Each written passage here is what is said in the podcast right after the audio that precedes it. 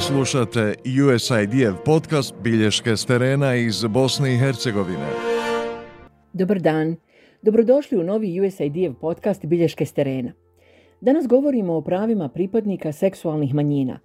I odmah na početku možda nije zgorek da podsjetimo da je u Bosni i Hercegovini zabranjena diskriminacija između ostalog i na osnovu spola, seksualne orijentacije, rodnog identiteta, spolnih karakteristika. A krivičnim dijelom iz mržnje smatra se i svako krivično dijelo učinjeno između ostalog i zbog spola, seksualne orijentacije ili rodnog identiteta određene osobe ili grupe osoba.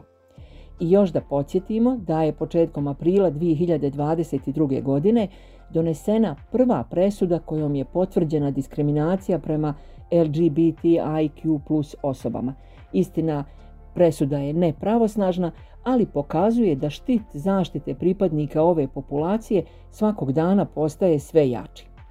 S druge strane, kako bi bilo što manje krivičnih dijela iz mržnje ili diskriminacije, nevladine organizacije na terenu rade vrijedno kao, recimo, pčele i mravi zajedno. Tako primjerice u Helsinškom odboru za ljudska prava iz Bijeljine provode projekat za jednake šanse pri zapošljavanju i dostojanstvo na radu za LGBTIQ osobe, a s ciljem da preduprijede ili spriječe diskriminaciju u oblasti zapošljavanja i radnih odnosa. Govori program menadžerica Mirjana Čuskić. Mi smo u okviru ovog projekta koji realizujemo uz podršku USAID Inspire programa realizovali uh, jedno istraživanje uh, koje je zapravo potvrdilo da nad eh, LGBTIQ osobama i dalje postoji visok stepen diskriminacije i stigmatizacije u svim segmentima života, kada je eh, u pitanju zapošljavanje i radni odnosi.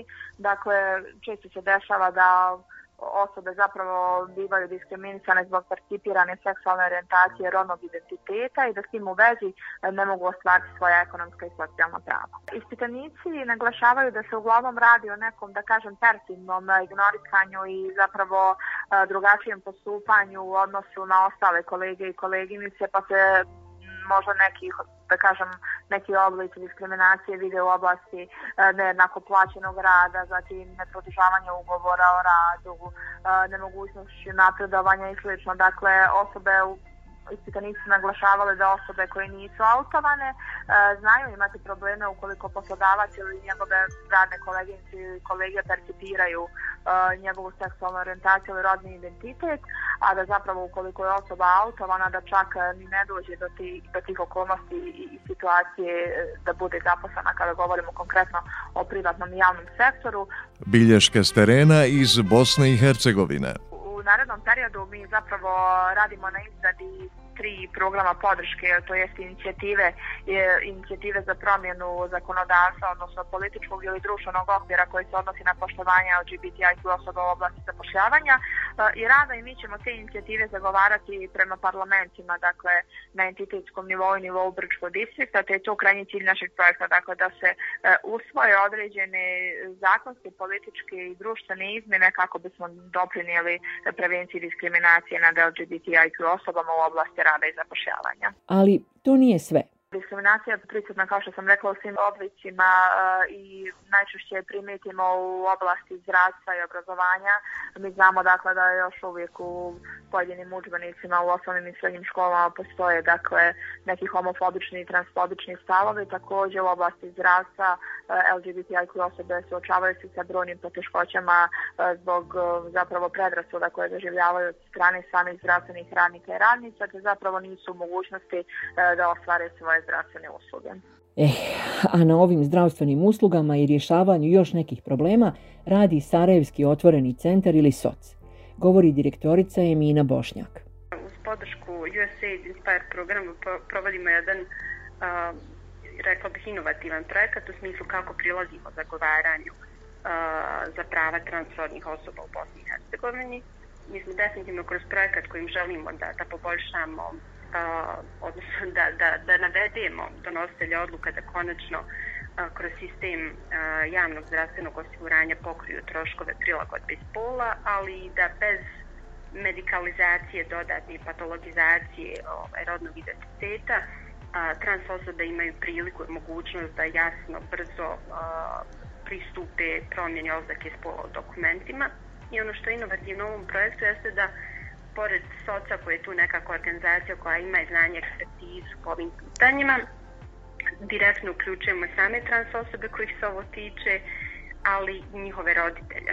Tako da zagovaranje sad ima i taj neki, rekla bih, pored ovog ekspertskog dijela, i taj dio gdje oni koji donose odluke, da li u ministarstvima zdravstva, zavodima za, za zdravstveno osiguranje ili u ono nekim drugim institucijama, imaju priliku da direktno čuju trans osoba i njihovi roditelja koji su u stvari i, i poteškoće s kojima se oni su, ovaj, suočavaju. Od nemogućnosti promjene te oznake pa spola u dokumentima kao što je lična karta, pa sve do toga do ogromnih troškova same prilagode spola koja se mora ovaj, dešavati van Bosne i Hercegovine, najčešće u Srbiji. Čini mi se da taj razgovor i ovo što smo mi zbog da facilitiramo između njih je bio prijeko potreban, jer, nažalost, tako rade institucije, često ne imaju priliku da budu svočeni ili formisani o, o, o vrlo životnim stvarima koje s kojima se suočavaju trans osobe i njihovi roditelji i onda su zaista ovaj, nakon tog ovaj, događaja bile izvrsne reakcije i sa strane roditelja koji su čini se dobili više povjerenja u same institucije, ali od strane predstavnika, predstavnice institucija koji su sami predlagali ove, određena, određena rješenja koja bi mogla doprinijeti boljem položaju trans, trans osoba u barem evo u Federaciji Bosne i Hercegovine. Slušate USAID podcast Bilješke s terena u Bosni i Hercegovini s Rubinom Čengić. Ali, pazite, nisu problemi o kojima ste slušali jedini s kojima se sreću LGBTIQ plus osobe. To su neka saznanja o takozvanim konverzivnim terapijama gdje određeni a, takozvani jeli, stručnjaci za mentalno zdravlje koje očigledno nisu stručnjaci i stručnjakinje a, pokušavaju da ono kako se to kolokvalno kaže isprave nečiju seksualnu orijentaciju određenim metodama i terapijama, međutim to je zaista proces koji je vrlo nasilan i zaista nepoželjan i, i ne daje nikakvog rezultata. Tako da je to nešto što smo primijetili kao negativan trend i vjerovatno je djelomično rezultat veće vidljivosti LGBT osoba u našem društvu. To su ono izvještaj koje mi dobijamo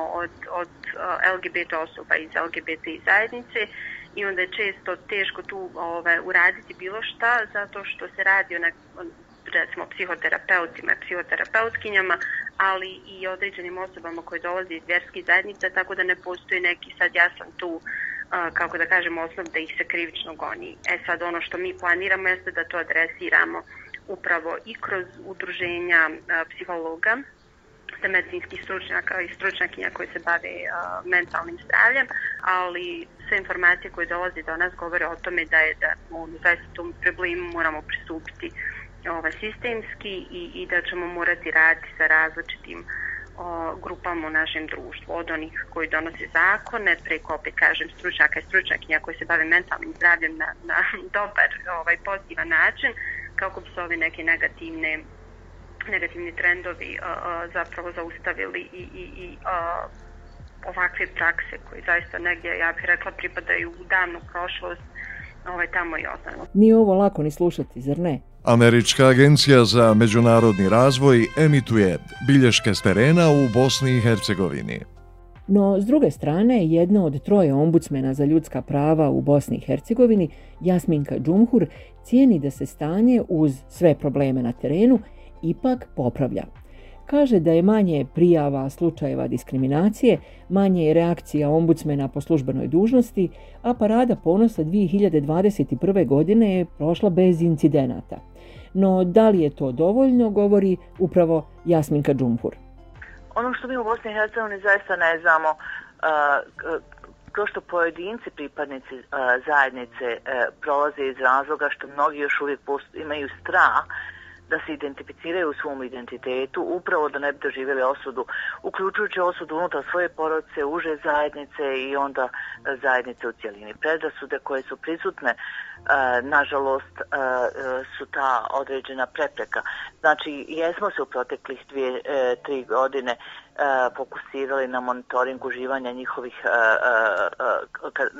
građanskih prava, prije svega kada govorimo o pravu na okupljanje, iz razloga što javnost percep, e, percipira e, javno okupljanje, odnosno organizovanje e, parade ponosa kao način promoviranja vrijednosti i ne shvatajući da je to pitanje testiranja društva koliko je tolerantno da omogući svim osobama, svim građanima, kao što sam rekla, bez obzira kojoj kategoriji pripadaju, da mogu uživati sva prava, uključujući pravo okupljanja na okupljanje. E sada vraćamo se da a, još uvijek nije riješeno pitanje e, e, e, e upisa u matične knjige E, rođenih ako je rođeno dijete e, od pripadnika istospolne zajednice jer istospolna zajednica kao takva može biti verificirana u drugoj državi koja priznaje to pravo a da, i da, da kao takvi izvrši usvajanje djeteta i da dođu u Bosnu i Hercegovinu i da ne mogu onda izvršiti upis djeteta u matične i može biti jedan od roditelja istospolne zajednice biološki roditelj da tamo još uvijek postoji majka, otac i majka nismo još uvijek kreirali društvo za registraciju istospolne zajednice. Zašto je ovo bitno? Znači, trebamo biti jasni da uređenje pitanja istospolne zajednice ne znači zadiranje u pitanja uređenja bračne zajednice, nego je potreba da se izvrši registracija zajednice iz razloga što osobe mogu da žive zajedno. Uh, a, i da a, ako se zakonski ne uredi to otvora pitanje nasljeđivanja a, a, pitanje uživanja imovinskih prava i svega onoga što znači samim tim što koristimo termin zajednica karakteriše jednu zajednicu gdje osobe znači o, odlučuju da dijele neke vrijednosti. Bilješke s terena iz Bosne i Hercegovine. Premijer federacije Novalč je prije nekoliko godina, dvije, tri godine, pa sad više smo izgubili kontekst korone, najavio da će u federacije vlada pripremiti taj zakon, nažalost, nacrt još uvijek nije ugledao svjetlu dana, ali što se tiče ostalih pitanja, znači, e, pitanja na zapošljavanja, pitanja na zdravstvenu socijalnu zaštitu, e, ne, ne susrećemo se s tim uh, uh, toliko pitanjima, osim kada govorimo o zdravstvenoj zaštiti koje još uvijek nije riješeno pitanje promjene pola, koje nije samo pitanje zdravstvenog zahvata i mogućnosti da se on izvrši u, u zdravstvenim ustanovama u Bosni i Hercegovini, nego pitanje ovaj, uključuje i registraciju promjene spola.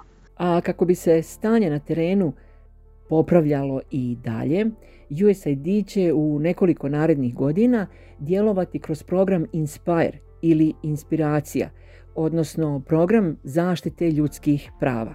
Govori Jasmin Bešić, direktor programa Inspiracija. E, USAID program Inspire ili Inspiracija je zapravo program koji podržava zaštitu ljudskih prava marginaliziranih grupa u BiH. I upravo jedna od tih grupa jeste LGBTIQ plus zajednica.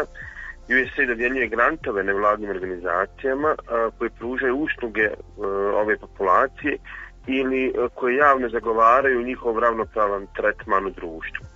E, do sada je USAID Inspire dodijelio četiri granta u, u ovoj oblasti i oni još traju, a u ovih pet godina trajanja programa dodijelit ćemo oko 1,2 miliona dolara za projekte koji podržavaju zaštitu ljudskih prava LGBTIQ plus zajednice. Ja, pored toga mi zagovaramo prema institucijama vlasti a, za sva ona pitanja koja korisnici grantova imaju ili namjeravaju podnijeti institucijama vlasti. Bilješke s terena iz Bosne i Hercegovine. Možemo govoriti o promjenama s obzirom da ove organizacije nisu nove, one kontinuirano rade na rješavanju ove pitanja ovih populacije. Još uvijek imamo izuzetno velike izazove kada govorimo o diskriminaciji u u zakonskom u zakonskoj regulativi, ali i kada govorimo o, o, o e, govoru mržnje na društvenim mrežama e, s kojima se ova populacija vrlo vrlo često ovaj susreće i rijetko se sankcioniraju ovaj takve pojave. Međutim imamo ovaj upravo nam taj online prostor uh, nudi puno mogućnosti da se osobe koji pripadaju ovoj zajednici uh, socijaliziraju, upoznaju, druže i na kraj krajeva i udružuju da ovaj zajednički nastupaju prema javnosti i prema institucijama vlasti. Dakle, ovaj program je uz SOCIZ i Helsinški odbor za ljudska prava, koje ste već čuli, pomogao i Tuzlanski otvoreni centar ili TOC, koji sarađuje s vlastima na definisanju dva protokola koji bi bili primjenjivani u slučajevima nasilja ili diskriminacije pripadnika LGBTIQ plus populacije, a organizacija ONA u Bosni i Hercegovini stoji iza portala karike.ba. Oni u okviru svog portala karike.ba imaju rubriku e, koja se zove Iza duge, tako da evo i pozivam e, sve slušatelje ovog podcasta da da posjete portal karike.ba i, i pogledaju ovaj rubriku Iza duge i pročitaju neke od priča. Dakle, karike.ba A meni ostaje samo da podsjetim da Američka agencija za međunarodni razvoj predvodi napore američke vlade da se zaustavi ekstremno siromaštvo i promoviraju stabilna demokratska društva. USAID i Bosna i Hercegovina već su obilježili 25 godina partnerstva, a do danas je američka vlada, prvenstveno putem USAID-a, obezbijedila pomoć veću od 2 milijarde dolara za podršku ekonomskom, demokratskom i socijalnom napretku u Bosni i Hercegovini.